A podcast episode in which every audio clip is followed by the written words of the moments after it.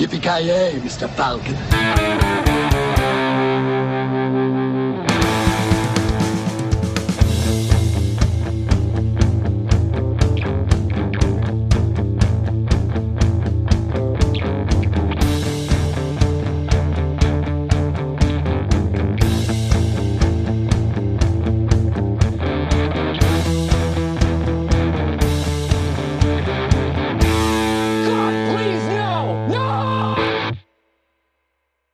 Mina damer och herrar, om ni lyssnar på detta så lyssnar ni på Creative Meltdown Podcast, vilket jag, ja, jag kan bara beklaga. Men när vi ändå har det på tråden så kan ni ju lyssna vidare på eh, vår tredje avslutande del av Rated R Comic Book Movies med Darkman som egentligen inte är en comic book, book movie, men det kommer vi till senare.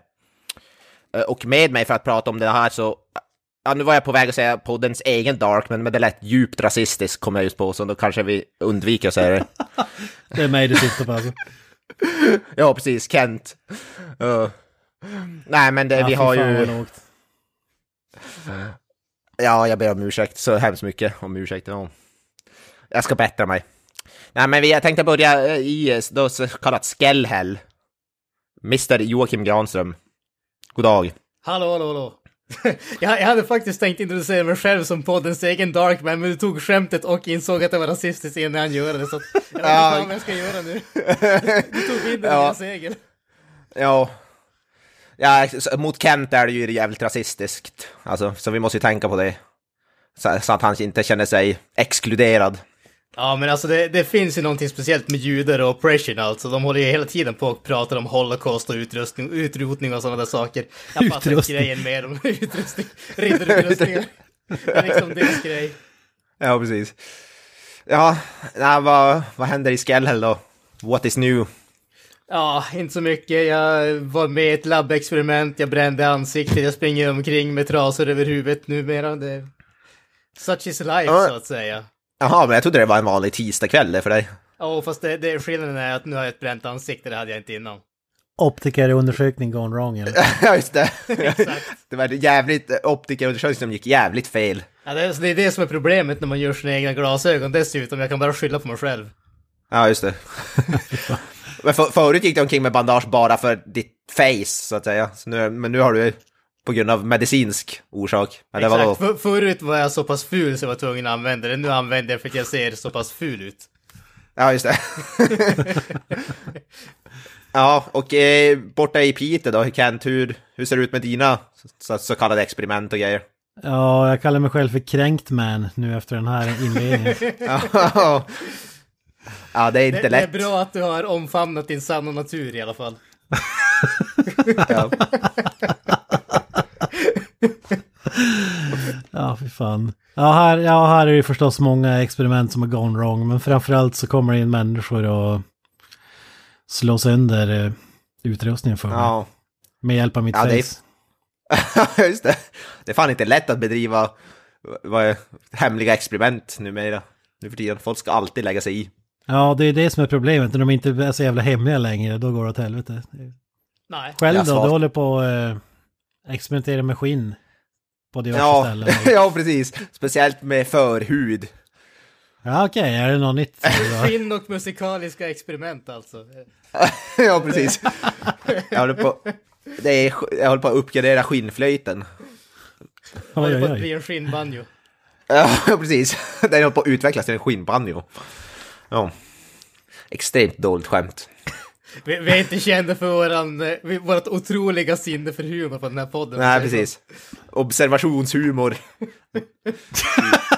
Och, och, om Ja, det är någon som mot förmodan lyssnar på våran podd på grund av våran humor så känns det som att vi skulle ha bett om ursäkt för ungefär, ja, åtminstone 180 avsnitt sen. Jag, jag tycker vi borde börja be om ursäkt i varje avsnitt.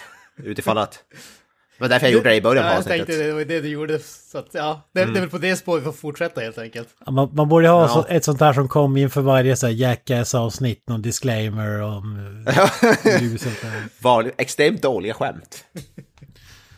Ja. Du, Granström, jag, jag, han frågade där, i filmen Judge Dredd så är det en jävligt känd line. Vad var fan vad han säger, Rico? Jag kommer fan inte ihåg. Kommer du Alltså, ihåg? eh, jag, har- jag, jag, du vet, alltså, jag har suttit och funderat på det där, för jag, vi såg ju den ändå så pass nyligt och Jag, jag är inte helt säker på det, men efter mycket tanke och liksom frågeställning tro, tror jag att det är...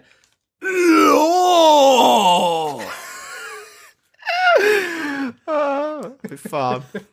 Var det verkligen Ja. så här sofistikerat han levererar alltså? Nej, Alltså, problemet där det är ju att den där Armando Sante, han försöker ju uppenbarligen göra en djup, djup uh, Sly Stallone-imitation, så egentligen låter det mer åt... Ungefär. Ja, fan. Ja, jag måste göra om det där till en bumper alltså sen. Nej, nej, nej, nej, nej. Ja. Jag tror det, det blir bästa bumpen i historien. Då vill jag hellre ha over the top-stönet från Mr. Gran. Just det. Ja, det är fan måste Stall... förta det andra. Alltså, man tänker på det, Stallone stönar jävligt mycket i hans filmer alltså. Alltså over the top, i Rambo-filmerna stönar han väl en hel del också. Grymt där och grejs. Det är hans, lite av hans signum. Ja, Men det alltså, krävs ju en ja, men real man för att göra det. Ja, men du har ju förklaringen i Judge Dredd. Det, det går inte att förstå vad han säger. Det är därför han måste väga upp det med att stöna. Ja. Alltså, stö, Stön. stöna är ju ett universellt språk. Ja, ja, ja.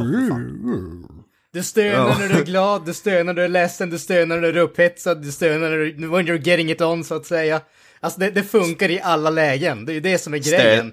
stöna i Ord måste väljas, de måste uttalas, folk måste förstå dem. Stön är universellt, det är det jag säger. Ja, men hans, hans stön är ju motsvarigheten till I am Groot. Alltså du kan använda det på tusen olika sätt och folk fattar. Alla förstår det Ja, alla ändå. förstår det ändå. Ja, just det, fan. Nu är han ledsen, nu är han arg, nu är han... Det- eh, Ja, det är som med Chewbacca i Star Wars, man förstår exakt vad de säger, bara, även fast det bara är ljud. det är bara ljud. Ja. Ja. ja, ska vi gå vidare? Oh, yeah. Vi är ju som sagt på sista delen av våra sån där eh, R-rated comic books eh, filmer. Vi har pratat om Judge Dredd och The Punisher med Dolphin. Eh, den här gången är det filmen Darkman. Som nu, hör och häpna, men det är inte en comic book movie tekniskt sett. Så eh, det har vi sagt tidigare, men vi firar ju. Så jag Men vet inte vad vi ska göra åt det. ironiskt nog så är det här det den film som absolut mest känns som en comic book movie. Ja, ja typ. ja, Grejen med den här filmen var väl att typ Sam Raimi ville göra sin egen, han har sett så Batman och sånt där och ville, ville, ville väl, jag tror han vet inte om han var, ville regissera någon superhjältefilm men fick typ inte. Ja, han försökte väl göra Ja, han Batman bland annat. Ja, ja, precis. Det var väl Batman och så var det väl The Shadow som är en gammal klassisk serie som man ville göra. Och när han inte fick rättigheterna så var han väl tvungen att göra sin egen version. Så att den här är väl typ... Da- Darkman är väl mer eller mindre så pass nära men ändå så annorlunda att han inte kan bli stämd ungefär, vad jag förstått det. Ja, det här Shadows är väl typ ut, har väl typ exakt samma utstyrsel som Darkman, så här hatten och capen och eller trenchcoaten typ. Det är väl en hyllning till Fantomen på Operan, The Shadow och The Batman, jag, har jag läst. Ja. Så det, det är så mycket comic book movie man kan bli utan att vara en comic book movie, i princip. Ja. Sen vet jag inte om det har kommit kanske någon serietidning efteråt baserat på de här. Möjligtvis att jag läser någonting sånt. Ja, jag tror de gjorde en sån här kort, typ tre nummer här för mig läste. Ja, precis. Sä- säkert mer än det, men det var det de gjorde efter filmen i alla fall. Mm. Men den är ju i alla fall, Darkman är ju regisserad av Sam Raimi då såklart. Eh, ja, fan behöver vi säga, det, det måste väl ändå vara en av poddens vad heter det, husgudar. Du älskar ju Sam Raimi bland annat vet jag Kent. Eh, ja, det stämmer eh, väldigt bra. Fantastisk, fantastisk regissör. Ja, Evil Dead-filmerna till exempel. Eh, alla tre är jävligt bra. Eh, Spider-Man, åtminstone de två första, är jävligt bra.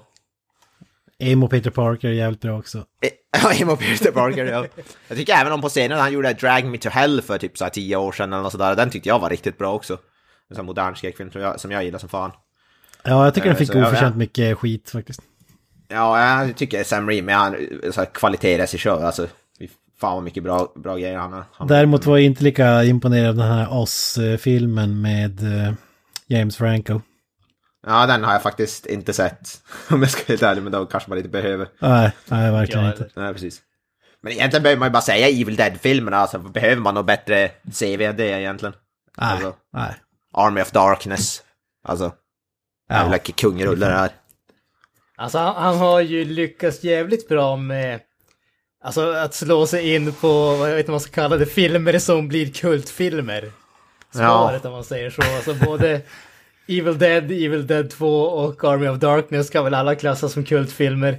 Jag tycker, eh, vad heter den här, uh, The Quick and the Dead Western-filmen känns ju också väldigt mycket som en kultfilm. Alltså, han har, det är någonting speciellt. Jag tror att Alltså alla hans filmer känns ju som eh, signaturfilmer nästan. Det, det, mm. det, är väldigt mycket throwbacks och man känner igen stilen på honom. Det känns ju, känns ju igen även i den här filmen. Den här filmen, rent utseendemässigt och effektmässigt känns det ju nästan som en Evil Dead-version av en superhjälte typ.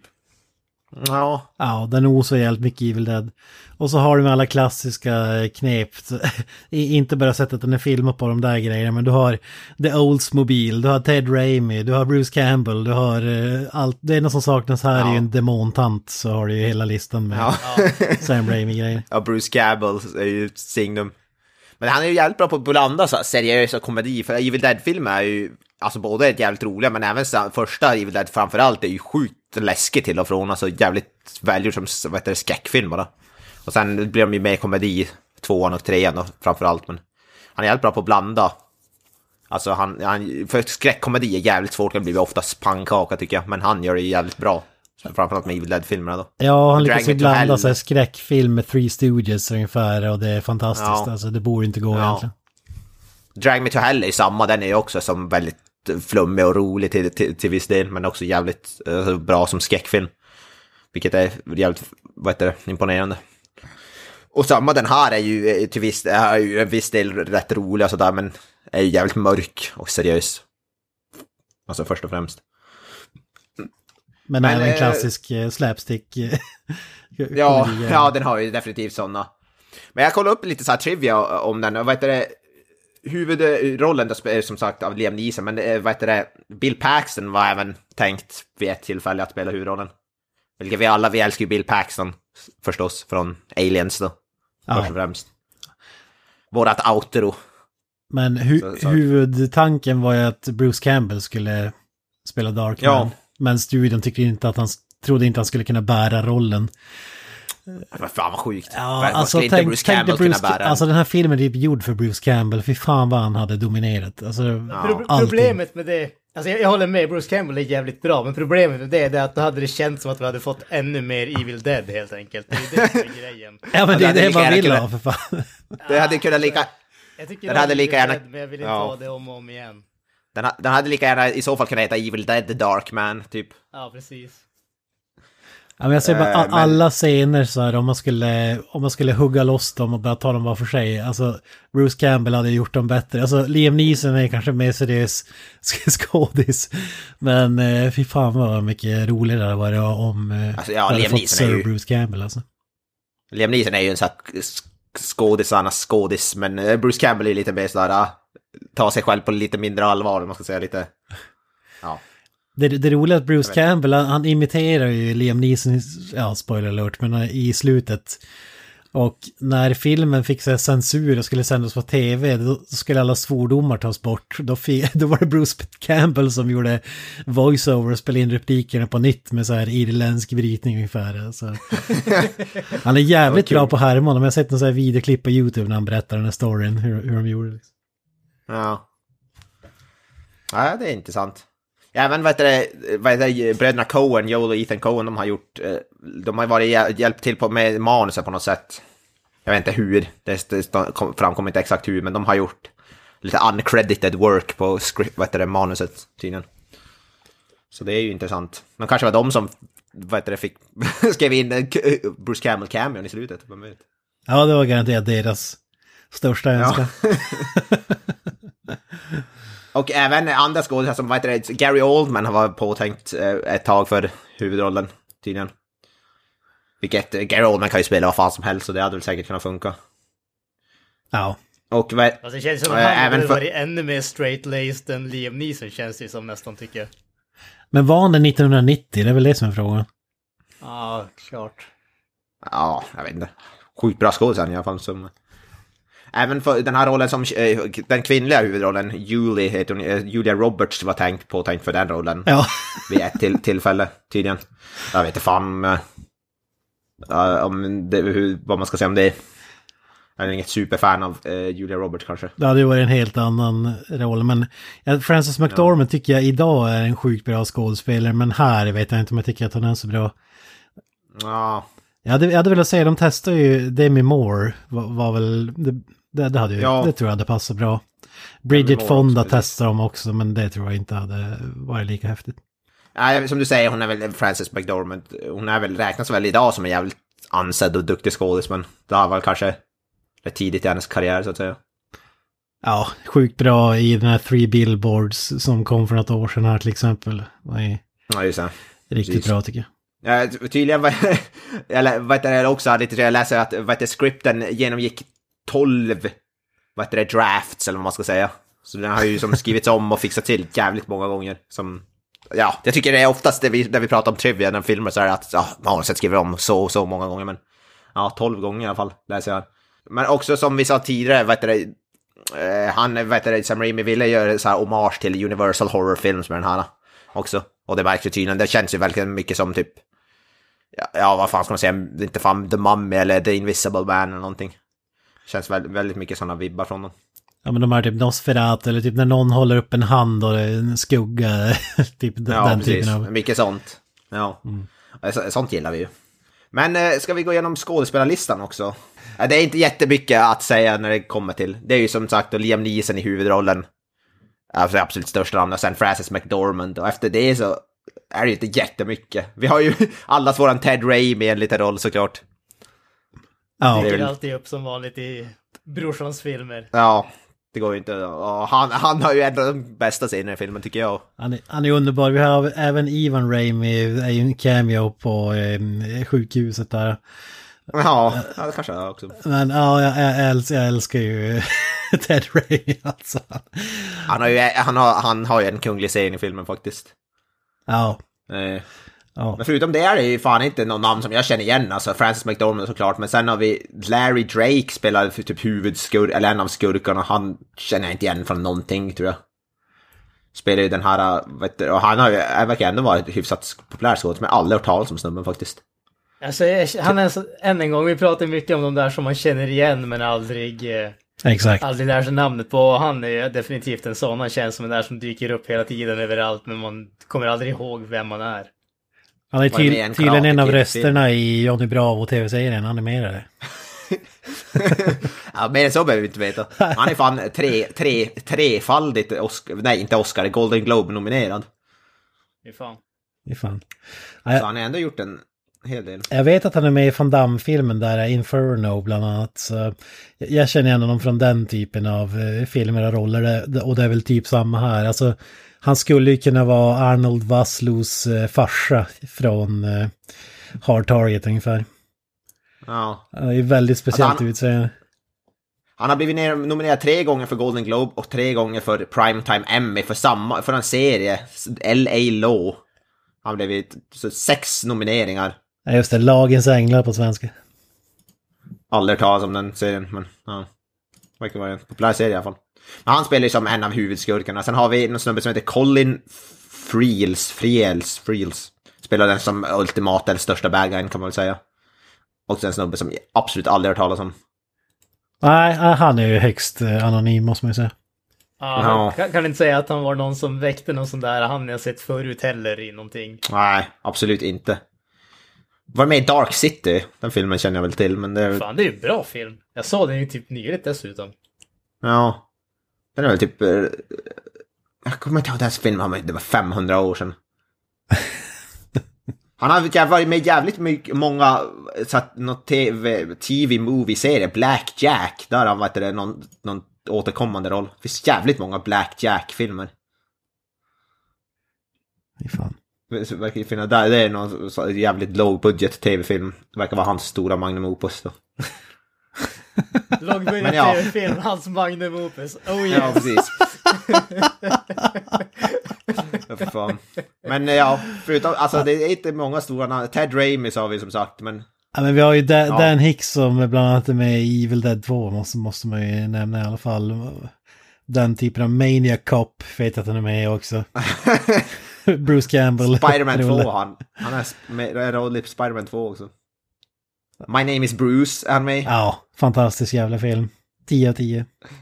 Fan. Ja, det är underbart. Men det, det är ju det är många så här Sam Raimi eh, snubbar, polare, Ja. bekanta till Bruce Campbell eller ja, men något Ja, precis. liksom. Så, som är med, som man känner Men- igen. Men de är ju inte jättestora namn om man säger så. Nej. Men värt att nämna också, eh, så inte en skådis, men kompositören är ju Danny Elfman, vilket är ju ganska, han är ju ändå ett ganska stort namn. Kan man ju säga. Eh, Känd för, vad fan är han med känd? Tim, han gör typ musik till alla Tim Burtons filmer. Ja, exakt. Han gjorde ju musiken till Batman-filmen som kom ut, var det året innan. Ja. Det känns ju nästan som att han körde en Ctrl-C, Ctrl-V, för man får ju mycket Batman-känsla över soundtracket. Ja. Vad fan, han med Nightmare Before Christmas är väl en av hans mest kända va? Ja, men framförallt har vi gjort Simpsons eh. Han är? Ja, just det. Just det. Det, det är Ja. fan en fjäder i hatten om något. ja. Nej, skitbra. Jag tyckte musiken här var, var faktiskt riktigt bra. Jag tycker den var så pampig och jävligt bra. Så ja, Danny Elfman jag gjorde även, om han gjorde musiken till den här Wanted också tror jag. Den filmen med, Han har gjort Ja. allt möjligt. ja fy fan. Ja, sjukt mycket. Jävligt bra kompositör tycker jag. Jag, jag skulle tro att det måste ju fan vara det namnet som alla vet om det är. Alltså, hur många kända kompositörer finns det? Han är ju typ en av tre eller två. Ja, så Ja. han, han Zimmer och John Williams. Ja, Ja. Det, det är typ de tre som alla känner till. Precis. Ja, ja, ja alltså vi var enda jävla Tim Burton-film han har gjort musiken till i princip. Ja, ja, det drar ju ner betyget där. Nej, fan, de är ju fan bra. Oavsett vad man tycker om filmerna så är de sjukt bra musik i de, de filmerna. Ja, Ja. ja den håller absolut Batman-klass i alla fall tycker jag. Ja, det kändes ju definitivt som ett eh, alltså superhjälte-soundtrack eller vad man ska säga. Eh, ja, men det var väl det. Det var inte så mycket mer namn att ta upp bakom den här filmen.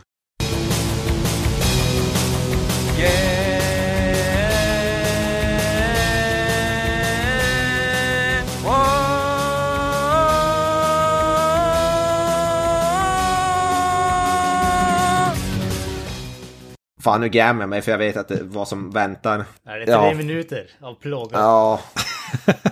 Fan, jag får ont i magen. Men den här gången har jag faktiskt förberett mig, gott folk. Jag har ett, jag har ett manus här. Jävligt långt manus här. Men den är på drygt tre minuter. Jag tajmar den när jag, jag speedläser den för mig själv och tajmade. Och det, det var väl lite drygt tre minuter då. Alltså det, det, det jag insett när jag, när jag har gjort det här, det är ju att tar det tre minuter att säga det för dig själv när du inte spelar in, då kommer det ta tre och en halv minut när du spelar in. Så att säga att det tog drygt tre minuter kommer vara uppe på typ fyra. Alltså, jag satt ju faktiskt och läste den högt för mig själv och hade en timer. Det var inte så att jag satt och mumlade i huvudet. Ja, nej, jag, jag gör exakt samma sak. Jag gör exakt samma sak. Aha. Men, men, vi får se. Jag har timern Ja, redo. nerver, nerverna kanske gör, nerverna när det är inspelning kanske gör att det tar länge. Ja, nu, nu när det är eh, förberett då har man jävligt höga förväntningar på det här alltså. Ja, ja, men jag känner det. Alltså ta- tiden kan jag inte, jag, jag har ju, jag tycker sammanfattningen, alltså storyn, så det, det är väl typ inget fel på. Men eh, sen om det är tidsmässigt tre minuter exakt kan jag inte lova. Ja, du vet vad som väntar om du misslyckas. Du vet vad som väntar. är det 3 0 0 0 0 som förväntas eller? Absolut. Ja, fy fan. annars blir det ett finger som ryker. Ja, här kommer den här Robert Durant med den här eh, avknipsaren. Exakt.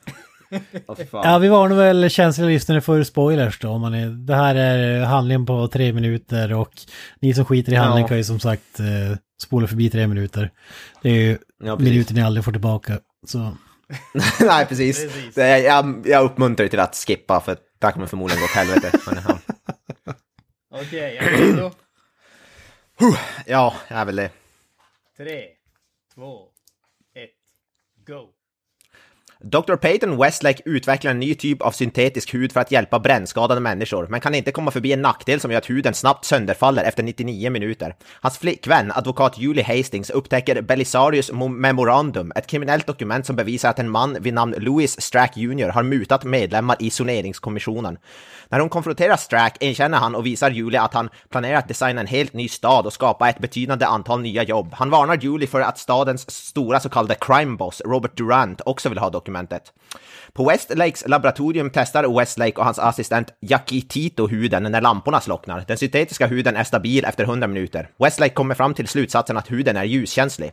Deras glädje är kortlivad när Durant och hans underhuggare dyker upp och kräver att få det tidigare nämnda dokumentet, som Westlake inte vet något om. De söker efter dokumentet och Durant får sina män att döda Jackie Tito och slå Westlake sönder och samman samt att bränna hans händer och doppa hans ansikte i syra. Efter att ha hittat dokumentet riggar de labbet för att explodera. Julie ser explosionen hända. Sprängningen kastar en oerhört brännskadad Westlake genom taket och in i floden. Som en John Doe förs han till ett sjukhus och genomgår en behandling som skär ner nerverna i spinotalamikanalen. Detta innebär att han inte längre kan känna fysisk smärta. Detta ger honom även förbättrad styrka men gör honom också mentalt instabil. Efter att ha vaknat upp från koma flyr Westlake från sjukhuset. Westlake, som tros död av Julie, återupprättar sitt lab, labb i en fördömd byggnad och inleder en lång digitaliseringsprocess för att skapa en mask av hans ursprungliga ansikte. Westlake använder tiden för att planera hämnd mot Durant och hans män. Han, han dödar Durants hantmästare Rick efter att ha tvingat honom att avslöja identiteten hos de andra männen.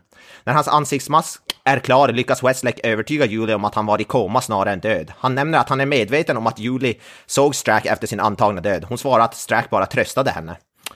Eh, Westlake eh, sår oenighet och förvirring bland Durants eh, hantverkare genom att eh, anta deras identiteter. På en dejt på ett tivoli tillsammans med Julie efter en konfrontation som får Peyton att tappa humöret avslöjar han för Julie att något är fel med honom. Han flyr när hans ansikte börjar smälta och hon följer honom och upptäcker den avslitna masken. Hon ropar till Peyton att hon fortfarande älskar honom oavsett.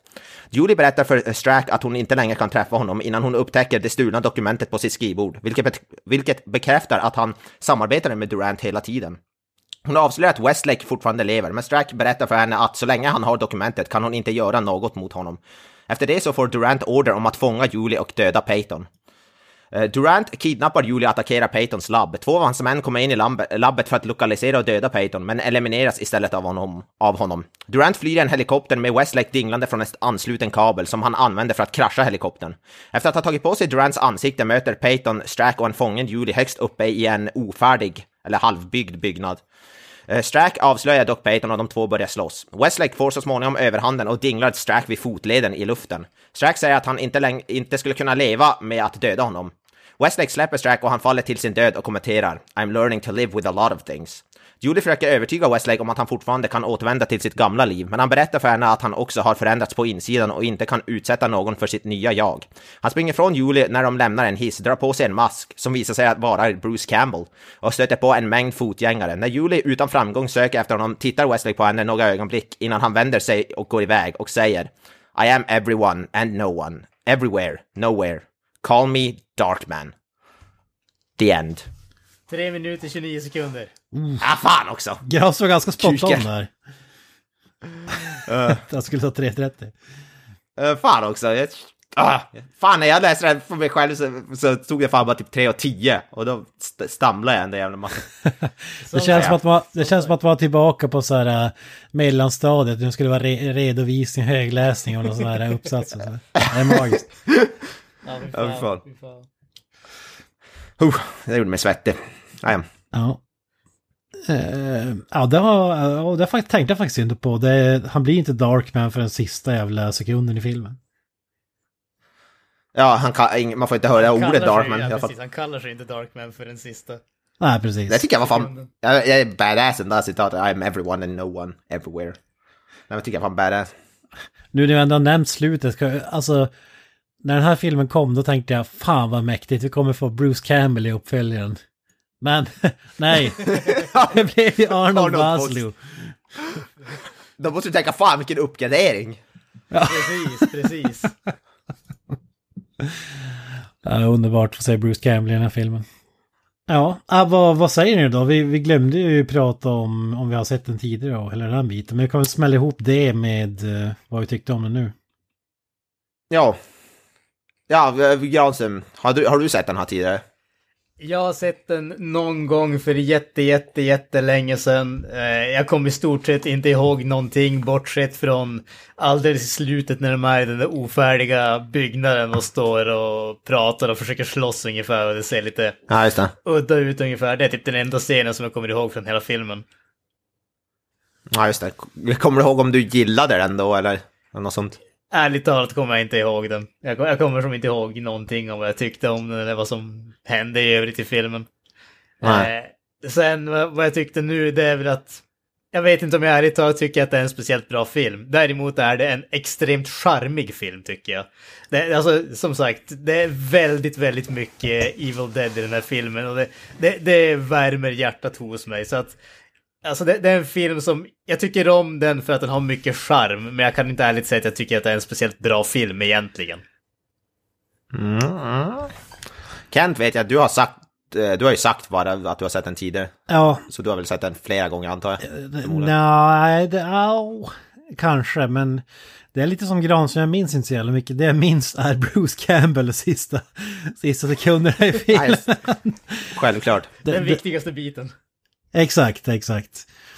Eh, Så, så det var ju det var, det var kul att återvända till den nu. Jag, jag tyckte om den när, in, när den var ny såg jag den inte, men första gången jag såg den tyckte jag om den, men det var ju x antal år sedan, väldigt länge sedan.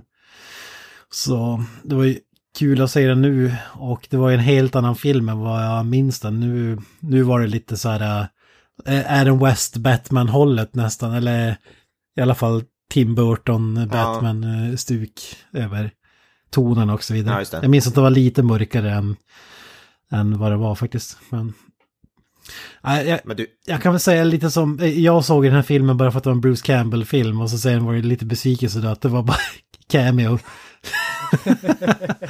Hade ju som sagt eh, vid ett tillfälle en komplett Bruce Campbell-samling och då var jag ju tvungen att bocka av den här också. ja just det. Eh, och så att det är Sam Raimi då förstås. Så jag tycker det är jävligt skön, mycket så Sam Raimi, alltså sättet den är filmat på, hela den där biten, man, man ser direkt att det är Sam Raimi bakom kameran och eh, så jag gillar ju de bitarna. Men Däremot är lite inne på Granströms spår, jag vet inte om man kan säga att det är en bra film, men det är ju en skön och eh, ja, charmig kanske är bättre ord, men man gillar ju schlockbitarna och så vidare. Eh, det enda jag tyckte var att scenerna, det känns mer som att Sam Raimi hade jävligt, eh, kom på jävligt bra idéer om vad han, hur, vad för typ av scener man kunde filma och vilka effekter och hur man kunde ja, men spela på karaktärer och sådär. Och så sen byggde han en film runt det, snarare än att han hade en film och sen Ja, plockade ut hur man skulle eh, filma den lite. Han han är, han är ju lite så här eh, det visuella för eh, kärnan i filmen och så vidare. Men, eh, ja, Nej, men jag, jag, jag tyckte om den, men jag, jag, säger som Gransmed, jag skulle inte kunna säga att det är en bra film rent, eh, rent så. Det, är- det är ingen sjunde insegel kanske, men en skön rulle som är underhållande. Den, är ingen Judge Dredd med Sylvester Stallone eller? Nej, nej, nej, verkligen inte. Så, så underhållande är den inte faktiskt.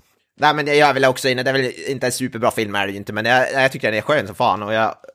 Det var ju förvånansvärt rolig. Jävligt eh, snygga praktiska effekter till och från tycker jag. Även om en del CGI som jag alltid säger är sjukt dålig. Man säger när det här green screen. Gammal green screen. Jävligt mycket, men eh, den är ändå, jag gillar den här hommage, hommagen till vad det, så gamla Universal-filmer och sådär. Och vi har en del riktigt eh, häftiga scener, bra musik som jag sagt tidigare. Och Liam Neeson är ju alltid topp, top notch så att säga. Men den, är, den, var, den, var li, den var lite nästan för slapstick, för jag trodde det skulle vara så extremt mörk och rätt våldsam, men det var ju nästan mer slapstick än, än, än inte, kan jag säga. Vilket jag var lite förvånad, trodde den skulle vara så svinjävla mörk och våldsam och sådär, men det var den ju absolut inte. Det var ju snarare mer åt komedihållet på något sätt. Allt det, där Som förändras, allt det där förändras också med tiden. Vad som är mörk film idag var ju inte mörk film, mörk superhjältefilm Ja. på 90-talet om man säger. Nej, så är det väl. Men som du sa, det är där som lite så Adam West Batman-stuk över det. Ja, Ma- men Ti- Tim Burton så är jävligt också ostigt, lite Adam West-stuk. Jag tycker den påminner jävligt mycket om den alltså. Ja. ja det, alltså jag hade nog gillat, det här känns som en film som borde ha varit betydligt mörkare tycker jag. Extremt våldsam. Men jag gillar den ändå, den är, den är ju sjukt underhållande det tycker jag. Eh, Och den är ju välgjord. Som sagt, den har en del riktigt, vad heter det, snygga och coola scener och sådär. Ja, det man gillar Som med, med den är de här Sam Raimi-grejerna som bara osar Sam Raimi. Ja. Ja, Där är som avhuggna scener som är coola eller bra. Inte kanske själva filmen Ja. i sig är lite... och, och Ted Raimi-scenerna. Eller en scen i, framförallt. Underbart. Ja. Nej men som sagt, eh, då, ja, ja, eller det inte, men jag har inte sett den här tidigare. Jag har velat se den förut, men jag har aldrig blivit av. Jag är ändå lite småintresserad av att se uppföljarna också. Jag älskar ju Arnold Vosloo, så, så att säga. Vaslo, Vosloo. Eh, kunglig skådis. Mm. Ja, det är typ det jag minns från uppföljaren. Jag vet inte om jag har sett den tredje, men en Arnold Vaslo-rulle jag har sett, men jag minns ingenting av den alltså. Ja. Det, är det, det passar ju ändå, alltså här är det ändå logiskt att man skulle kunna byta skådis. Det maker sense för att han kan ju byta ansikte och sådär, så det kan man ju ändå köpa att de inte har Liam Neeson. Så det är ju ändå på något sätt så fungerar Man hade kunnat göra hur många uppföljare som helst egentligen, Ja. med olika skådisar. Det, det var väl det som var... Filmen hade ju typ en budget på om det var 15-60 miljoner dollar och drog in nästan 50 och de säger att den, den blev så populär för att marknadsföringen, det var ju oklart vem som skulle spela Darkman. Så då körde de ut massa posters så här, Who is Darkman? Och så såg man bara den här siluetten som man ser på som man ser på poster nu liksom. Man, man ser ju inte att det är Ja. Liam Neeson när man ser omslaget på filmen eller alltså. Nej, precis. Det, det tycker jag, alltså jag tycker hur Darkman ser ut i filmen tycker jag är sjukt coolt alltså. Alltså hans eh, grejer när han har hatten där och bandage och sånt där, trenchcoaten, jag tycker han ser, och även utan bandage, alltså jag tycker smink eller makeupen på Liam Neeson där är jävligt coolt faktiskt. Ja, Eh, ja. Eller prosthetics han har, det ser ju riktigt coolt ut. Så det, den delen gillar jag som fan faktiskt. ja, de praktiska effekterna är jävligt snygga tycker jag. Hans ansikte. Det är det, Och sen gillar det ostiga också, som när det är tydligt att han har bara påklistrade löständer och så ska han skratta och så är det bara hej, hej, hej.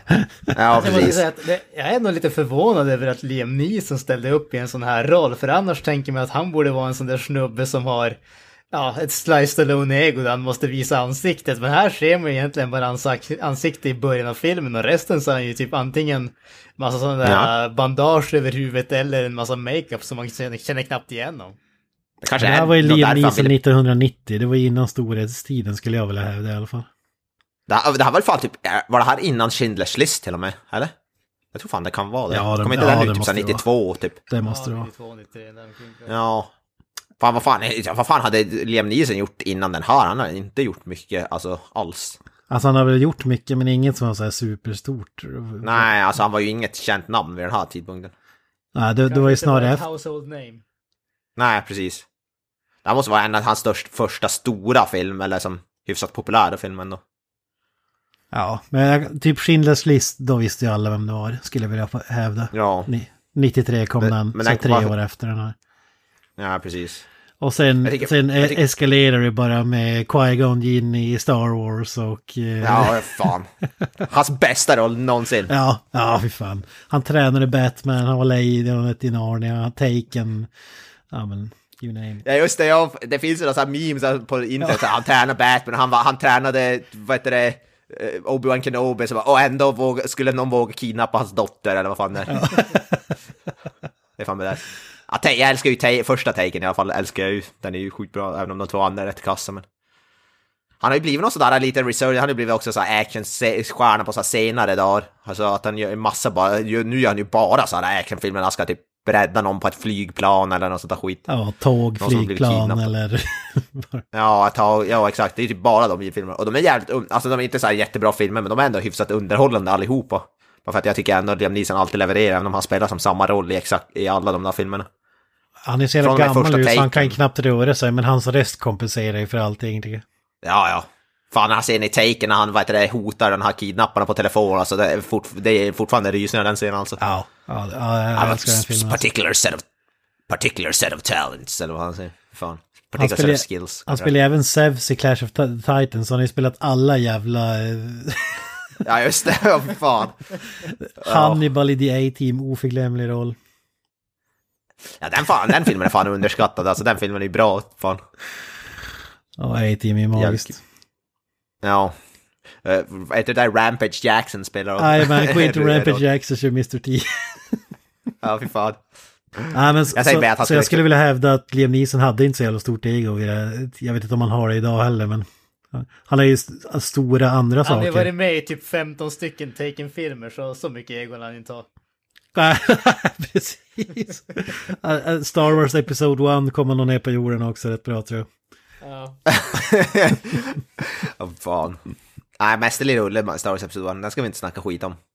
Men när jag kom, bara för att eh, vi är inne på det här, bara, jag vet inte varför men jag kom bara på det, att Siskel Ebert gav ju two thumbs up till eh, Darkman. Det är fan mäktigt. Ja, fy fan. Är det bra? Var det bra? Vad- fan, eh, är det ett bra betyg? Jag har inte de ett betygssystem på typ fyra, Roger, eh, Roger Ebert, eller, eller de där? Alltså den, fi- den hade bra recensioner när den kom har jag läst, så... Men, Ja, men jo, alltså den två, är ju- två är ju- tummar upp, då, då, då tänker jag att det är... Du kan, en människa kan ju inte göra mer än två tummar upp om du inte är, har sex armar eller någonting. Nej, i och för sig. Jag vet, inte, jag vet bara att Roger Ebert på sin hemsida, han, han, då har han ju fyra tror jag hans betyg var, mellan ett Okej. och fyra. Det var det jag tänkte, om det bara var två av fyra var det Two så thumbs up bra, out of ten. Eller ja, precis. Men two thumbs up, Cisco Ebert, det kanske är, det är säkert deras, det kanske är deras högsta betyg det, Ja, ja. förmodligen. Fan mäktigt. Ja. Och när, när, Nej, vi, när vi ändå är inne och svamlar på lite random, måste jag bara säga att det, det jag gillar med den här filmen är att man säger direkt, som jag sa, man säger att det är Sam Raimi bakom kameran för att han ställer ju aldrig ner stativet bara och, och skruvar fast kameran och så låter han den rulla och, och så får eh, skådespelaren göra resten utan han, han kastar sig och snurrar och hänger och flyger och det är alltid något så här Ja, ja. innovativt som när de Ja, vi kanske kommer till den scenen senare, men i labbet så här när de spör upp Liam Neeson när de kross, använder hans huvud för att krossa, är det några glasrutor eller vad är det? Alltså vitrinskåp, typ aktigt. Ja, så är det som filmat från väggen bakom ungefär och så får man se honom komma mot kameran och krossa Ja. glaset. Det är Jag coolt. tycker jag, sådana sådana grejer tycker jag är coolt. Det är, det är inte riktigt Evil Dead, den är ju super, den här är lite mera grundande rent kameraanvändning och men det är det man älskar med kreativiteten för att Evil Dead var ju den filmen som fick mig att bli så här intresserad av film och hur man gör det och typ hur fan har de gjort här och det finns ju sjukt intressanta bakom kuliss-grejer med den filmen hur de har filmat, alltså det är så jävla kreativt bara som man svimmar ju typ. Det är jävligt coolt alltså. Mm. Tycker det är mycket sånt i Ja, den här filmen också. Who No foolish heroics, if you please. is Darkman?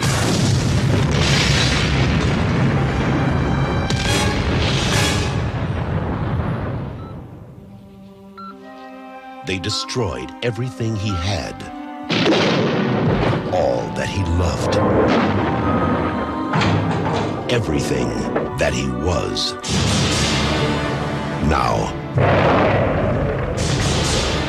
Crime has a new enemy, and justice has a brand new face. Ja, men vi hoppar väl in i själva filmen då. Vi har några scener här som vi måste ta upp, tycker jag. Eh, jag tycker vi ändå börjar från början, inledningsscenen faktiskt. Jag tyckte den var... Då får man var introducerad. Det är ju inte faktiskt, som i min sammanfattning, den, den scenen faktiskt eh, kom bort i min sammanfattning. Men det börjar ju inte med, ha, vad heter det, Liam Neeson eller Peyton där i labbet. utan Det börjar ju med, vad heter det, han den här Durant. De ska, vad heter det, han interrogatar någon. De kommer in på någon, fan vad är det? Det är någon sån här droguppgörelse eller någonting. Jag vet inte vad man ska kalla Ja, i det. någon slags flyghangar eller någonting. Ja, precis. Ja, är det inte, är det inte vid, vad heter det, är det inte typ vid hamnen? Jag fattar att det var typ vid hamnen när de körde in där. Ja, vad fan det nu än är. Någon typ av, Något- någon typ av stor hangar är det ju. Något ställe där du har gigantiska träboxar med bilar i. Som folk Ja. sitter och väntar. Det, det, det var ju typ den enda grejen som jag inte fattar med den scenen. Allting annat makar sense och så helt plötsligt så kommer det bara bilar som kör ut i trälådor. Det var lite såhär Batman och Robin-känsla där faktiskt. Ja, Ja, det- definitivt. Det är Det, logiskt. det var Batman 1966-känsla över det där. Ja, ja, ja. och jag, det, bra. var helt, det var jävligt oklart vilket team de var för också. Om det var ett ambush eller om det var alltså snubben, gangstern som var där, om det var hans män eller... ja just det. Ja. Ingen vet. Nej. Men det, jag, jag gillar ju den, han- för då får man ju se hans signatur, han är en sån där cigarr, cigarravknipsare. Och han, vad heter det, han gillar att knipsa av fingrarna på folk. Ja, Och jag gillar ju det han säger, något sånt där, interrogate. Dra, dra bara setupen för hela scenen, för jag tycker faktiskt scenen är riktigt grym. Dra, dra setupen så vi får hela sammanhanget. Han, vad är det? han vill få rä- rättigheter till att bygga någonting. Vad fan är det de, de pratar om? Jag kommer fan inte ihåg exakt detaljerna. Ja, det, det är typ något sånt där. De, de kommer dit, de ska ha typ en uppgörelse. Och eh, snubben som eh, redan är på det stället, det är alltså hans turf om man säger så. Ja, precis. Han, han vet ju att eh, vi, vi kan inte lita på de här eh, skitstövlarna. Så att det är folk som är gömda överallt som kan liksom ta hand om det när de dyker upp. Och sen när de väl dyker upp då blir de liksom kroppsvisiterade och sådär. Så leder de in dem och så börjar han snacka om att eh, de har ingen chans och han har liksom tre krav. Jag kommer inte ihåg exakt vad det var han sa. Men och så räknar han upp de där kraven och så vad heter det? Då börjar ju de här eh, Durant och hans gäng. Eh, de, de, de har ju den genialiska att de har ju typ snubbar med amputerade ben och benen har eh, gevär, typ Usis i sig. Så att de halar ju fram dem och börjar eh, peppra ner alla de här snubbarna.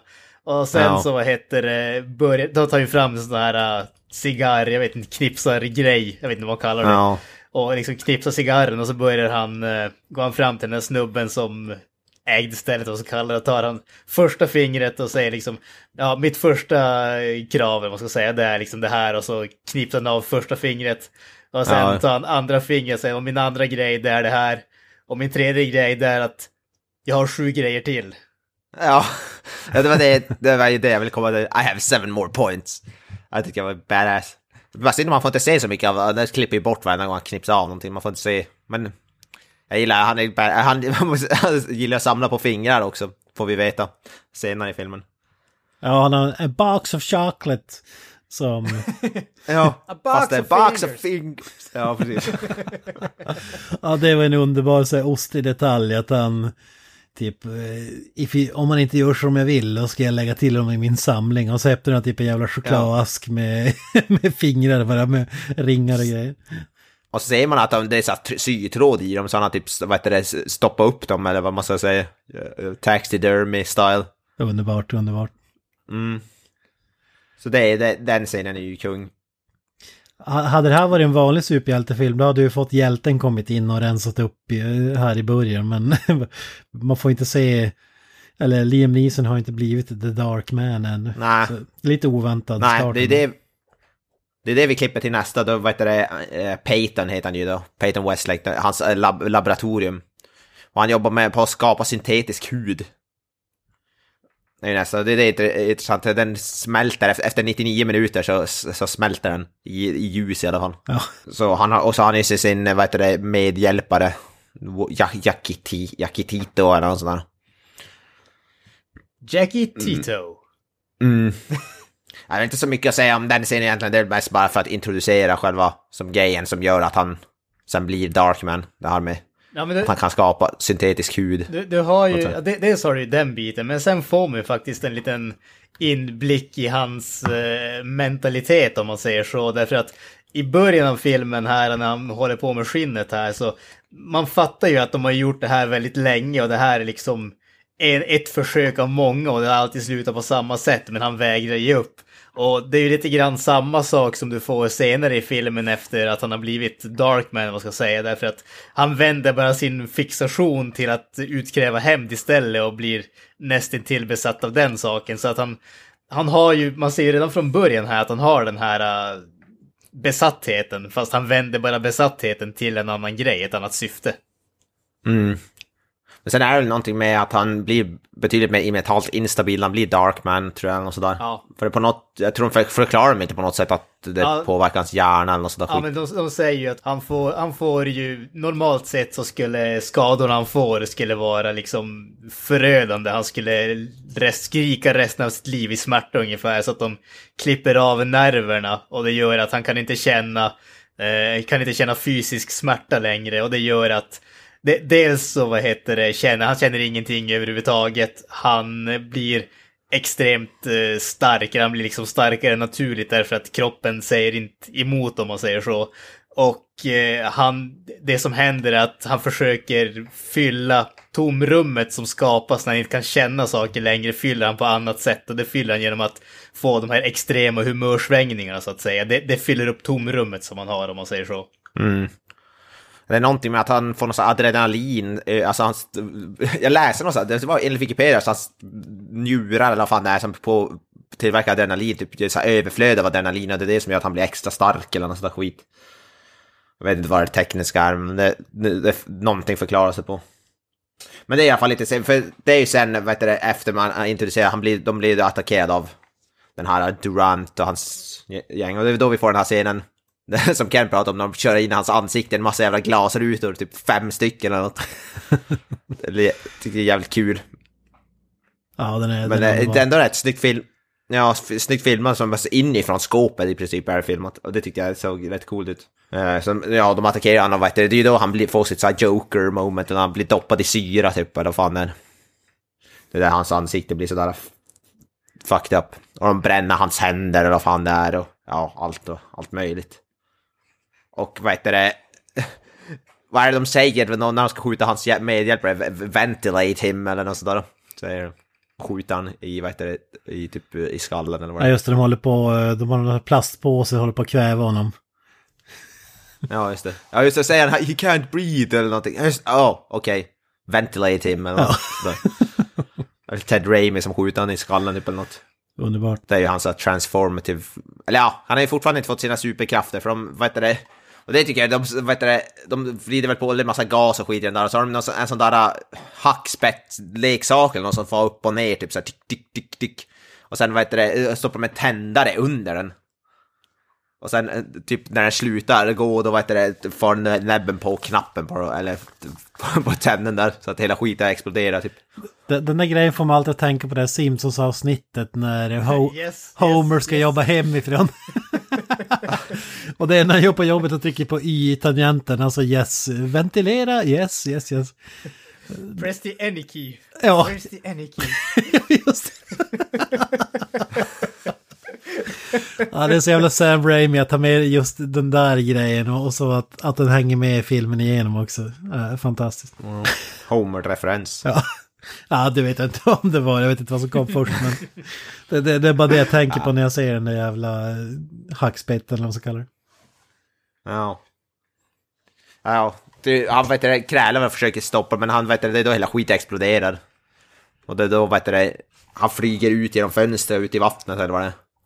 Ja, jo jävlar vad han flyger. Vad var det de säger? De hittar bara hans öra eller något sådär efteråt eller någonting så de tror att, tror att han är Ja, död. det, det var ju så jävla kul när de, de, när de tror att han är död och så har de hans begravning. Och, och så st- står det en, en snubbe med en spade och så en annan snubbe och så säger han och så under tiden som har begravningen för Liam Neesons karaktär där, då säger han bara Du det såg inte ut som att du gjorde så mycket jobb där borta. Nej nej nej, det enda de hittade från killen var ett öra så du vet, jag behöver inte gräva särskilt djupt för att begrava mig. Liksom. Det var lätt, det var lätt begravning. Ja. Bara tanken var att de bara skulle slänga ner örat liksom i en grop och så var det klart. Jag tänker på att de har en hel kista och slänger, jag ser på att de har en hel kista och så slänger de ner bara örat där i. Ja. ja, jag tyckte det var en jävligt rolig detalj alltså.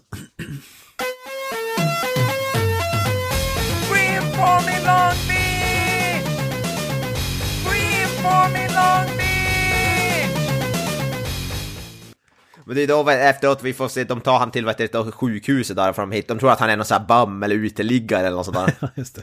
säger de ju. Och vad heter det, och så säger de ju allt det här att de kapar, vad heter det, någon nerver och skit som gör att han får superkrafter och kan inte känna av smärta och allt det där. De, de går igenom, de bekräftar, de pratar ganska mycket detaljer om vad fan det är de har gjort. För det är det jag sa där i, i en sammanfattning, de, det är någonting med någon, någonting, någonting, kanalen, någonting komplicerat ord som jag inte ens kommer ihåg nu. Vi, visst är det här vi något får sätt. se en cameo både av eh, Ivan eh, Raimi men även John Landis. Visst var det i den här scenen? Jag tror att det är Ja. den scenen. Jag, jag kan inte säga att jag känner igen dem så pass väl så att jag vet vilka de var, men ja, det skulle vara i den där scenen. Ja, jag vet inte hur någon av dem ser ut om jag ska vara helt ärlig tror jag. Ja men han, han var ju en doktor också, det, det måste ju vara den här. Han är, han är skäggig liksom. Uh, John Landis, hur ska man förklara honom kort? Blues Brothers uh, regissör. Ja, han är ju... Ja, han är ju regissör, precis. Ja, Blues Brothers som han är mest känd för. Han har väl gjort även han har väl gjort en del skräckfilmer också. Har inte han gjort någon sån här Werewolf någonting film? American Werewolf in New York eller något sånt, inte det hans film? Typ. Han, han, han har gjort många stora filmer, men jag, jag tror som du säger att Blues Brothers är hans magnum, magnum opus som du skulle säga. Magnum Opus. Oh ja, bra ord. Även farsa till Max Landis här som hade en liten halvpopulär ett tag men som åkte fast i metoo. Ja, just det. Manusförfattare och så vidare. Ja, American Werewolf in New York, eller vad det är, den har han ju också gjort tydligen. Ett, ett sidospår. American Werewolf in New York, det tror jag inte är titeln, det är nog helt fel. American Werewolf in London. London Men det är- finns väl London, Paris, allt möjligt tror jag. Om jag minns rätt. Ja, han, är, han har i alla fall gjort den... Den, vad heter det, mest populära versionen av dem i alla fall. Love it, love it, love it. Ja, nej, skitsamma. Det var inte, det var inte så viktigt. Men... Va, vad tycker du om den här grejen? Det, det tycker jag är en av de mest intressanta grejerna i filmen. Alltså, I en vanlig superhjältefilm med en olycka och får de här krafterna, då, då blir det en superhjälte som saves the day. Typ Captain America, de trycker in om steroider helt plötsligt kan han hjälpa hela världen och använder den till att göra gott eller typ eh, Hulken kanske ett dåligt exempel, jag vet inte hur god Hulken är egentligen men typ Spiderman, han är bara en nörd tills han blir biten av en spindel och så använder han krafterna för att göra allt bättre.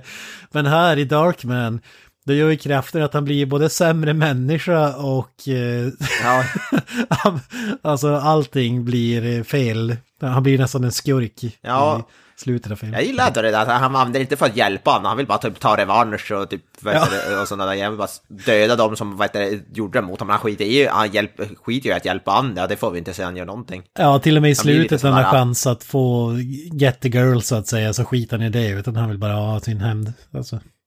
Ja, precis. Ja, men det, det, det är ju ändå ganska skönt tycker jag att det här är ju en serietidningsfilm men det är inte en superhjältefilm. Nej, exakt, Nej, nej. exakt. Det är jävligt antihjälte-grejen alltså. Ja. Precis som Evil Dead och så vidare. Men, men, Ja. men å andra sidan kan jag ty- tycka också till viss del att det känns ju ändå som den nästan mer realistiska sättet att se det hela på. Alltså, ha- ha- någonting extremt hände till, hände mot han, blev gjort mot han så att säga. Och istället för att så fort han kommer tillbaka tänka att okej, nu ska jag göra världen bättre, så tänker han att jag ska fan ta hem på dem som gjorde det här mot mig. Det känns ändå mer realistiskt, även om det inte är lika upplyftande. Ja, alltså, jag gillar ju det hellre än det klassiska som vi får i alla andra filmer. Det, det, det är typ Mm. det mest intressanta med filmen nästan tycker jag. Ja, han är ju en antihjälte, måste jag säga. Han är ingen vigilante direkt. Han är ju ingen hjälte egentligen, eller jag vet fan. Nej. Alltså. Nej, han är mer en sån mad Vi har ju många scener när han står där i sitt labb och så han blir sån mad scientist och typ så här mumlar för sig själv och håller på. Ja, och så, och så försöker han typ, I mean, I'm a scientist, I'm a scientist, och så typ, nej, fuck Ja. it. jag är ett pratar för monster. sig själv liksom. så.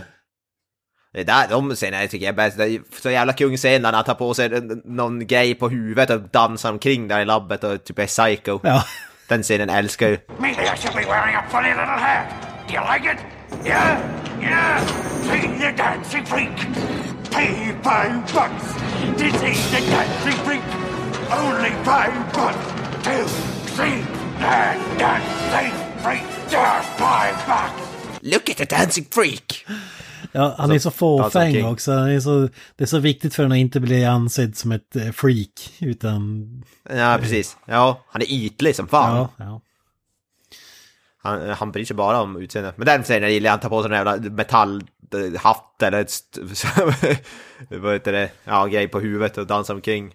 Han, eh, han, blir, han blir, tar ju typ illa upp när katten, vad heter det, ryker, ryter åt han. Kom, direkt kommer nära katten och så och det är då han bara "Oh, Look at the dancing freak, I'm a freak, pay five dollars to see the dancing freak. ja.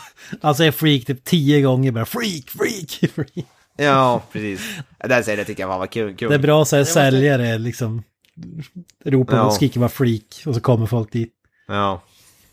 För mig så kändes det lite grann som att det var den, den scenen var där det kändes som att eh, ni som faktiskt insåg att han var med i en Sam Raimi-film. För där släpper han lös på ett sätt som han inte gjort tidigare i filmen och som jag inte egentligen trodde att han skulle kunna göra heller. Nej, det är lite ovant att se Liam Neeson. Han är ju alltid überallvarlig tycker jag. Det är skönt att se. Han har lite självdistans. Han kan släppa lös som fan. Va, vad säger ni om den scenen där på tivolit när han ska vinna rosa elefanten så att säga? Ja, just det. ja, just det. Fan, damm på byta fingrarna av den där jävla... Vad heter det? Ja, storm... Vad, vad, vad, karnevalsnubben. Ja, han, eh, han Tivoli. har fortfarande inte berättat för sin fru när han har kommit tillbaka from the dead att eh, ja men mitt face håller bara i 99 eller 100 minuter eller vad det är och sen smälter det och sen Ja. ser jag ut som, ja, jag vet inte vad, det ska... Hon fattar ju inte, han måste ju, han måste ju alltid springa iväg i slutet på, alltså efter 99 minuter för han säger att han ska ha sådana sessions på sitt hospital för att han inte är botad igen, eller he, healed eller vad I gotta have my therapy. Ja. Ja. Ja, det, Hon fattar ju inte. men- det är också briljant den där tickande klockan i filmen tycker jag att det är alltid så här tids... Han har bara en viss tid på sig att göra sina uppdrag och, och vissa gånger hinner han, ibland inte, oftast inte. Så... Jag gillar där han ska börja ta, han börjar ju fara och spionera på alla den här Robert Grant och hans män och den här flintskalliga först han ligger och sover bara. Kommer in i hans sovrum. Och vad heter det, men sen vet han som... Han vet, ju, han vet ju inte riktigt vad han ska säga eller något sådär, så han sitter ju som bara tyst när han kommer dit sen, sitter på kaféet där. Det tycker jag också är kul. Ja, men det är också så här kul att hans hämnd är inte bara att han smyger in och mördar någon eller alltså så, utan Nej. han får dem att mörda varandra på något sätt. Eh, Alltså, Ja, han förvirrar dem Det är det jag sa i min sammanhang, sår är oenighet. Han gör dem typ som mot varandra, vänder dem mot varandra. Och får, han tar, tar ju Robert Durants ansikte och rånar en jävla kiosk. den var ju den märkligaste. Så, så mycket Ja, jobb. och sen rakt in Så i, mycket jobb med att skapa den här masken och resten. ja, och sen, sen rakt in i kameran. Robert G. Durant. Och så nästa, klipper till nästa scen, då är det polisen som bara, eller man får inte säga polisen, och han bara yes I am Robert G. Durant, och så sätter de på honom handbojor. Och sen det- blir han förbannad bara I was no, not in an any goddamn convenience store. Han måste hjälpa en advokat som fick ut honom efter det där, alltså svårt att diskutera. Ja. Nej men det var, Ja, inte, det var inte jag, jag säger inte mitt namn med typ mellannamn och hela kittet utan... Ja, underbart. Men han börjar ju sen också träna på att göra deras röster, alltså där han står ju typ för att eh, imitera. Han är rätt bra på imperson, alltså impressions, eller man ska säga. Försöker göra sina röster där, det är rätt kul. Jag gillar de där när han researchar, alltså det är som en detektivgrej när han tjuvlyssnar på dem för att lära sig deras rutiner och hur de pratar och för att få reda Ja. på vad, de ska göra härnäst. Det, det är lite så här äh, som man önskar att Batman gjorde oftare i sina filmer till exempel. Ja, jag gillar det där. Äh, vet du, när han, ja precis. Och han, man ska sno deras ansikte sen då och sådär. När Paul är den första där, där stora tjocka flintskalliga snubben. Och vet, när, de sen vet, kommer till den riktiga Paul och säger bara var fan är pengarna? Oh, I must have overslept. I missed the drop-off. Och så, han, och så vaknar han upp och så inser han, vad fan, jag är klädd i en kritvit kostym. Och så ligger så här flygbiljetter till Rio i... Ja precis, ja, han, så han där han har eh? Peyton, Liam Neeson måste ha klätt, klätt på han i sömnen alltså. Med kostymen. Vad var kul.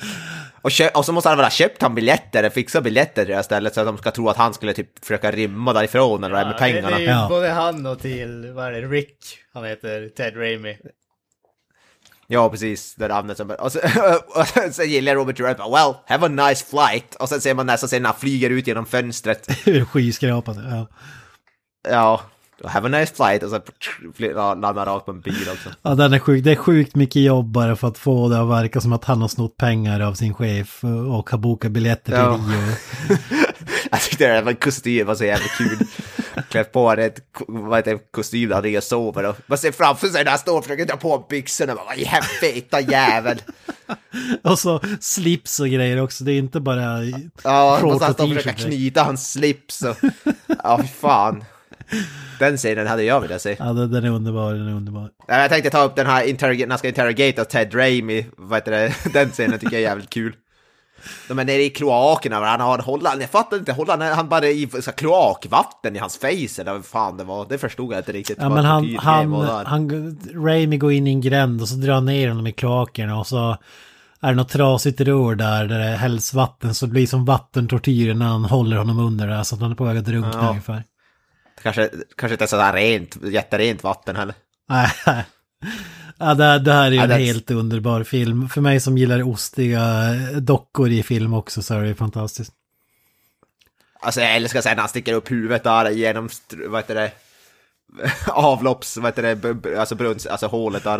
Ja, ja, men- bilarna kör. Ja, men setupen är ju fantastisk. Alltså, han, han förhör dem typ, va, det är så han får reda på att eh, den här flintskallen ska hämta pengarna, vilken tid det är och hur mycket pengar och plats och, och de där grejerna. Och, och så får han all info och så, och så bara, eh, och så bara, ja men jag har berättat allt jag, jag vet, nu, nu är det väl lugnt. Och så bara, Ja men vi kan väl låtsas att du inte gjorde det och så, och så helt plötsligt lyfter han upp lyfter han upp honom precis som den här filmen Daylight med Stallone där någon kör av ett huvud eh, alltså en lastbil kör av huvudet på en snubbe som sticker upp eh, huvudet ur en eh, kloak, ur ett kloaklock liksom. Ja. Det är, det är så jävla kul att se dockan där när bilarna kryssar mellan för det är så uppenbart en docka och inte Raimi himself som, som är där. Alltså. Ja. Ja, den, kommer, den citatet är bra där. Let's pretend you didn't. Ja. Så sticker jag upp huvudet, fan vad kul det är.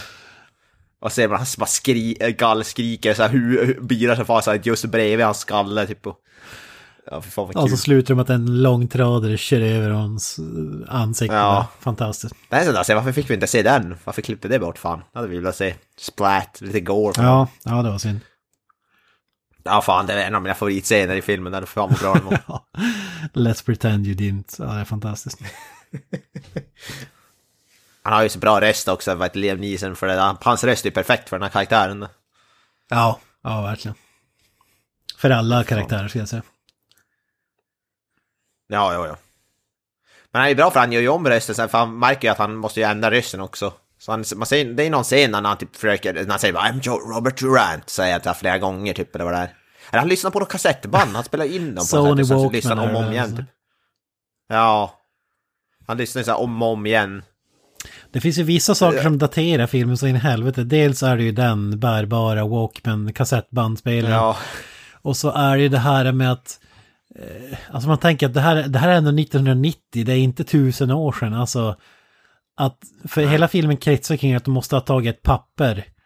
Som, alltså hade det varit idag så hade det Ja, varit idag. e-post eller Alltså det funnits, USB-minne. ja det hade funnits i cyberspace så in i helvete. Men här är det bara, det finns bara en version av den här pappersmemot som kan bevisa att någon tar mutor. Alltså, jag tycker det är så Ja, fantastiskt precis. att det handlar om ett piece of paper. Alltså. Ja, och de har inte tänkt på att man kanske kan kopiera det eller på något sätt göra några mer kopior. På ett jävla papper som... Ja. det är underbart, det är underbart. Ja. Ja, vi har ju redan pratat om den här scenen med tivolit, men den är också, alltså som sagt, den med Give me the pink elephant. Ja, Ja, fan. men vi, vi nämnde ju inte det här med att när han blir, eh, han försöker hålla tillbaka sina krafter för sin, ja, blivande fru, eller vad man ska kalla det. Hon, hon vet inte om att han är ett freak och darkman i, i hemlighet. Så när, han, när, när tiden börjar rinna ut och så hon bara, men sluta nu, vart ska du? Och så, och så ska han kasta de här klassiska, en baseball eller någonting, så för att få med så många burkar som man kan. Och så helt plötsligt har han superstyrka som bara kast, dundrar ner allt. Och så säger den snubben som har det här ståndet bara, äh men du, du, du var inte bakom linjen så du vinner ingenting. Och så bara, give me the fucking elephant eller vad, han nu säger. Ja. fan vad förbannad är när han inte får sin elefant och bryter hans fingrar och kastar ner väggen. Eller? Och så när han bryter av fingret, då ser man ju det är bara en sån där gummijävla docka. Alltså, Ja.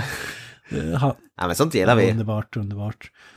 Men innan han sen springer iväg ifrån hon när ansiktet börjar smälta, då har han med sig fortfarande elefantjäveln där. Han håller han fortfarande kvar igen och springer iväg. Det var ju det bästa. Ja, så, det, när han säger till henne, hon vill inte ta emot den, så bara take the fucking elephant. Så jävla...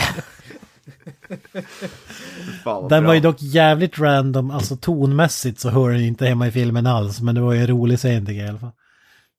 Ja, fan fantastiskt. Fan vad bra Liam Neeson levererar i den scenen alltså.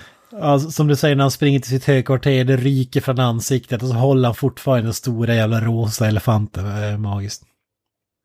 Ja, ja. Och det är då han springer, hon springer efter honom där och bara I, still love you, bla bla bla. Där, där måste jag också säga, det, det, det glömde jag, det, på tal om gummihänder, alltså Det är ju en scen där, där han låtsas vara Robert Durant och ska till någon sån här Chinatown, eh, Yakuza-aktig snubbe. Ja, just det. han, som inte vill lämna över pengar. Men för att visa att han är badass, eftersom att Darkman kan ju inte känna smärta. Så tar han bara en tändsticka och eldar under sin egen hand. Alltså det ser så jävla lamt ut. Och, och så sen är det ju, eh, för det första är det helt klart en typ gummiarm, för den är dubbelt så tjock som Liam Neesons vanliga arm. men, men det är bara... Det är, det är inte Gary Busey Lethal Weapon-klass på det hela om vi säger så. Nej, nej det, ser, det, ser inte, det ser inte organiskt ut eller vad man ska. Men han vägrar betala för att han håller en tändsticka under sin arm och eldar i typ 10 sekunder. Okej, okay, nej men du, jag betalar, jag betalar. Som att det ska vara någon så här yttersta badass move, jag vet inte. Men inte den sidan, alltså, han vet, klipper av oss att du har på dig tills jag har ryckt upp den här cigarren i- på dig att betala till, sen väl till den här Yakuza. Precis, precis. Japansnubben. Ja, exakt. Och bara, "Oh, Okej, Mr Durant. Jag gillar för först säger säger han ju ingenting, han står ju bara som och stirrar, för han vet ju som inte vad han ska säga. heter det? Han är inte så bra på att spela Durant, för Durant han är ju jävligt högljudd och skriker, pratar mycket, men han står ju som bäst på och stirrar. Ja, han har inte så många intränade ord så att säga. Nej. Det är det jag undrar, undrar i de scenerna där är, alltså visst, det måste väl ändå vara skådisen spelare som Durant som är Darkman i den scenen, alltså inte är det väl, vad heter det? Det, det är väl inte Liam Neeson som har tagit på sig en gummiface? Nej, nej, det som där är Durant. Så, svårt att tro att det skulle vara det. Så egentligen är det inte Liam Neeson, alltså, eh, i alltså i- i hyfsat få scener ändå, kan man väl ändå, heter säga. Ja, han, han är han definitivt annans inte med i stuntscenerna. För att där är det ju en, en snubbe som är dubbelt så tjock som Liam Neeson som har, har dräkten. Det ser man ju alla. typ de hänger i helikoptern och allt möjligt. Helt plötsligt har ju Liam Neeson ölkagge typ. Det, kan, det kanske är någon sån här säkerhetsväst eller någonting, jag vet inte. Men han ser ju jävligt mycket större ut. Alltså. Ja, den, den scenen var jag mindre förtjust i när han hänger från helikoptern. Fan vad ful den var alltså. Alltså den har ju åldrats dåligt, något kopiöst. Ja, green screen-grejen var inte top notch. Ja, ja fan den green screenen var ju inte det bästa jag har sett kanske. Nej, men det, det, det, bidrar ju till charmigheten ändå tycker jag. Det Ja, ja det gör det ju. det, det är mycket onödig ju- green screen också. Typ när de står framför ett fönster eller... mm, Alltså, ja. ja, det är så här skyskrapor som är så CGI typ i bakgrunden. Det är så här svinmärkligt. Bara, vad fan behövde ni? Jag fattar inte riktigt. Nej, det var mycket. Varför Men det, på den tiden syntes det ju inte. Du hade en tjock-tv och ja. Ja. Men jag vet inte varför, alltså var det för att man ville att de skulle vara på ett visst ställe men de hade typ inte, de kunde inte filma någonstans där det fanns skyskrapor så de var tvungna att lägga till det efteråt eller jag vet fan. Men det är väl, sam, det är väl samma som alla superhjältefilmer idag som filmas i en studio bara med massa green screen och tennisbollar i ansiktet på folk. Det är väl samma sak. Ja. Fast otroligt åldrat.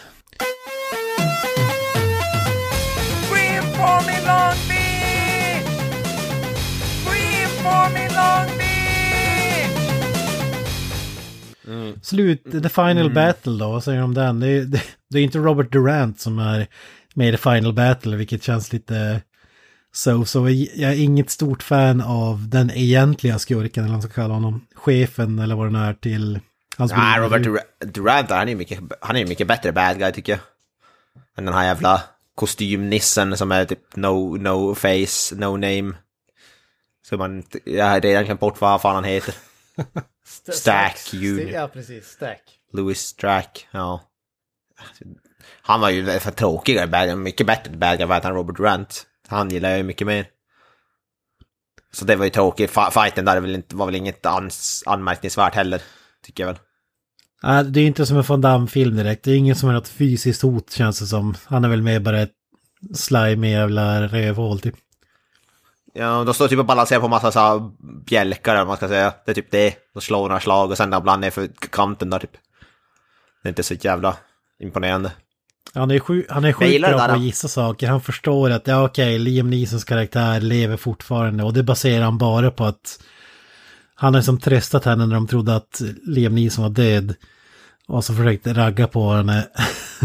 Men sen när hon säger att hon inte vill träffas längre, jag tror att det bara är det. Då bara, ja okej. Nej, men hon lever. säger väl bokstavligen att... Hon, hon säger väl bokstavligen att han lever till han Ja, var det så kanske? Ja, han kanske ja, missade det jag då. tror hon...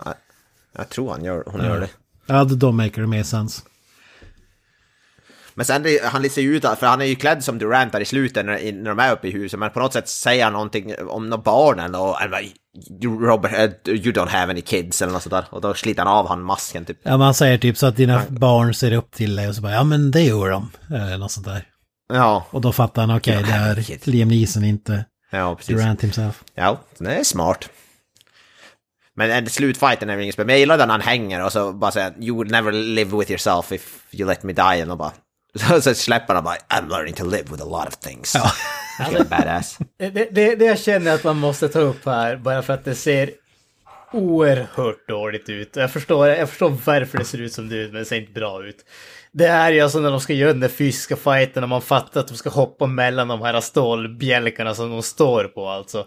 Även om man inte ser dem, så att det är filmat liksom så överkroppen, men man ser ju hur de rör sig, att de hoppar mellan dem.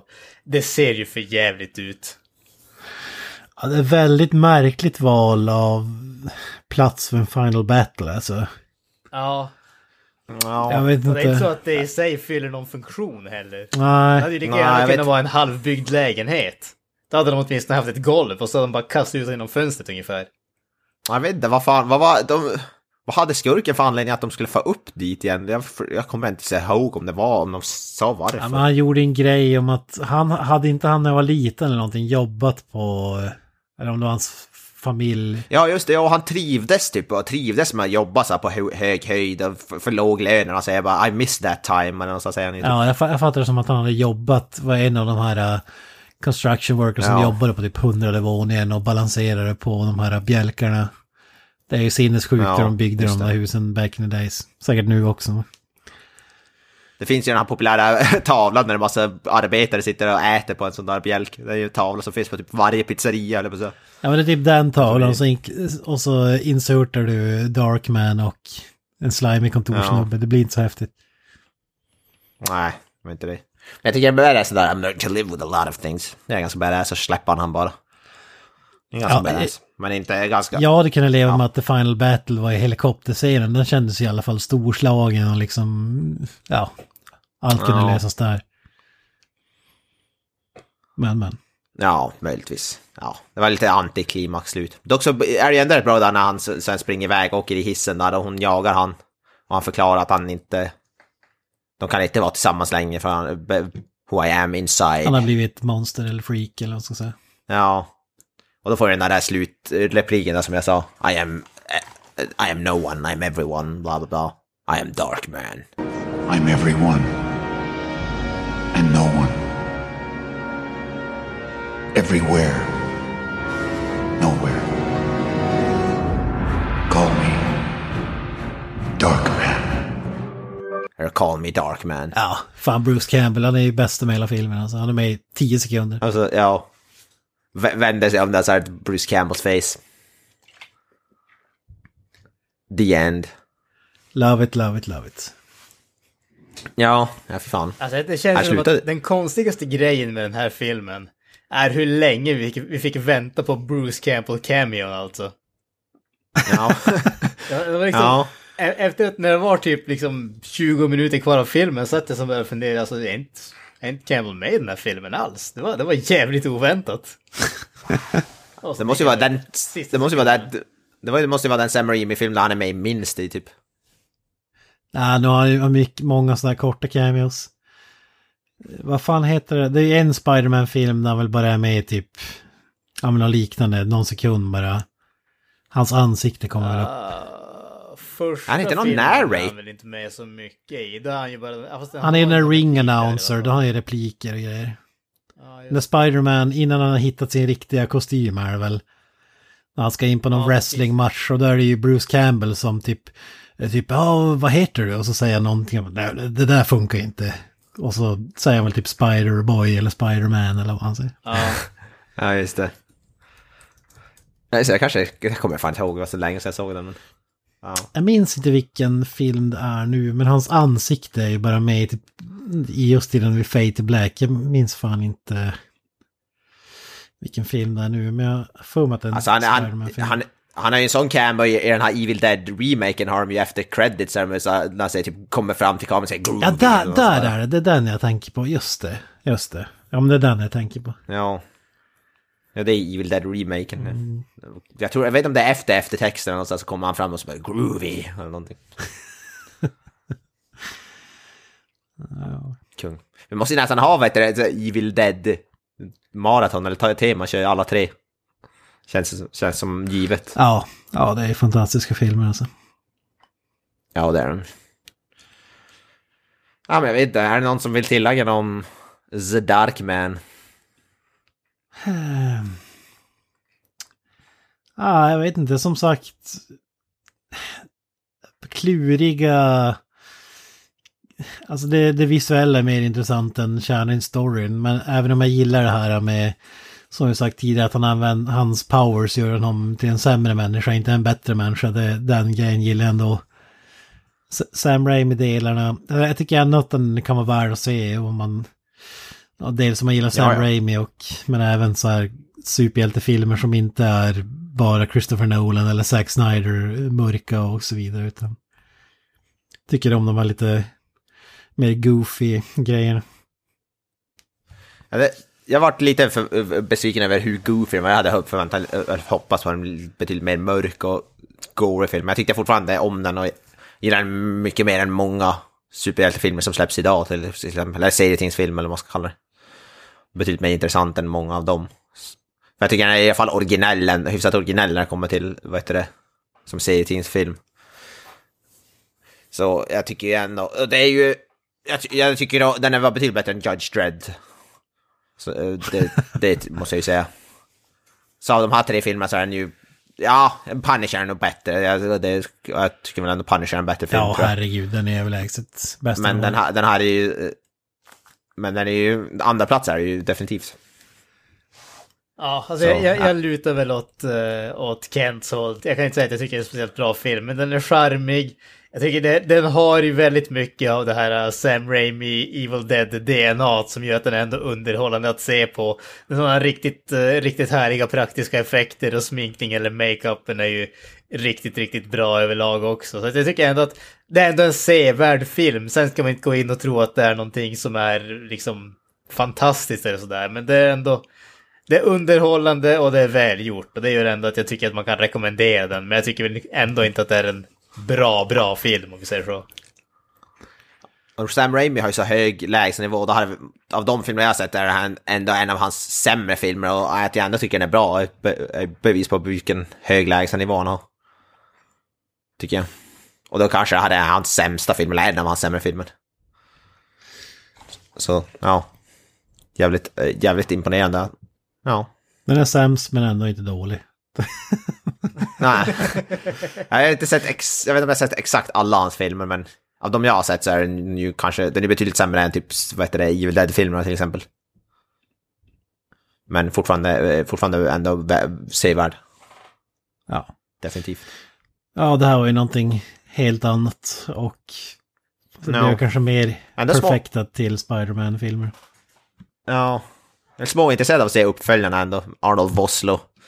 Får se om man gör det, jag vet inte. Arnold Vosloo är ju som, som sagt, är ju 10 av 10 skådis alltid. Gudabenådad, gudabenådad. Han är där uppe med Peter Ja. Navitus också på fan mig. ja. Peter David tog också på Arnold Vosloo och Bruce Campbell. Det är the Holy Trinity. Om skådisar. Ja.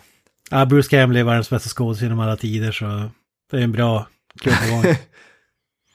Ja, jo, precis. Arnold Vosloo kommer väl även... Arnold Vosloo och Peter Navid, de är delad tvåa kanske. absolut, absolut. ja, fan.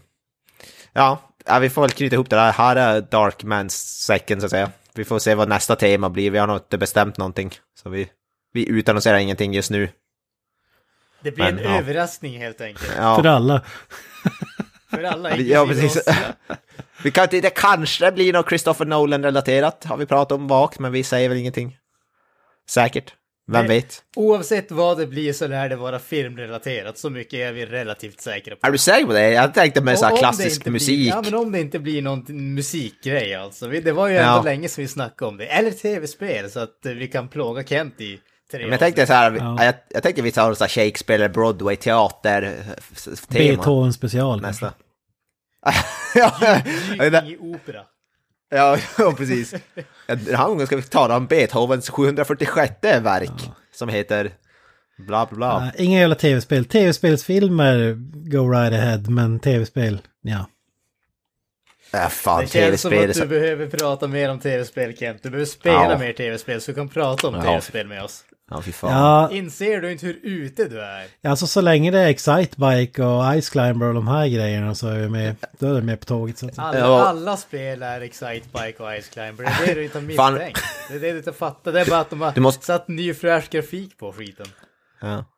Fan, lägg ner ditt Street Fighter The Movie The Game och börja spela lite riktiga spel för fan. Exakt. ja men det är ju ett riktigt spel för fan. Jävla vad bra det är. Är det 10 av 10? Det är 10-10. Kanske gör en Let's Play med det. Jag hör i att det-. Ja, Kent ska live, livestreama det spelet på YouTube, på vår YouTube-kanal senare. Se fram emot det. Absolut, absolut. Ja, fy fan.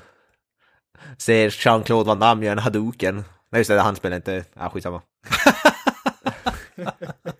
Vad fan är Giles signaturmove? Jag vet Ja, fan vad är det? Typ en bicicleta skulle jag säga i fotbollstermer. ja, ja, ingen aning. Ja, ja. Vi drar ihop den här jävla brända, eh, brända heter det, säcken så att säga. Darkman. Yes.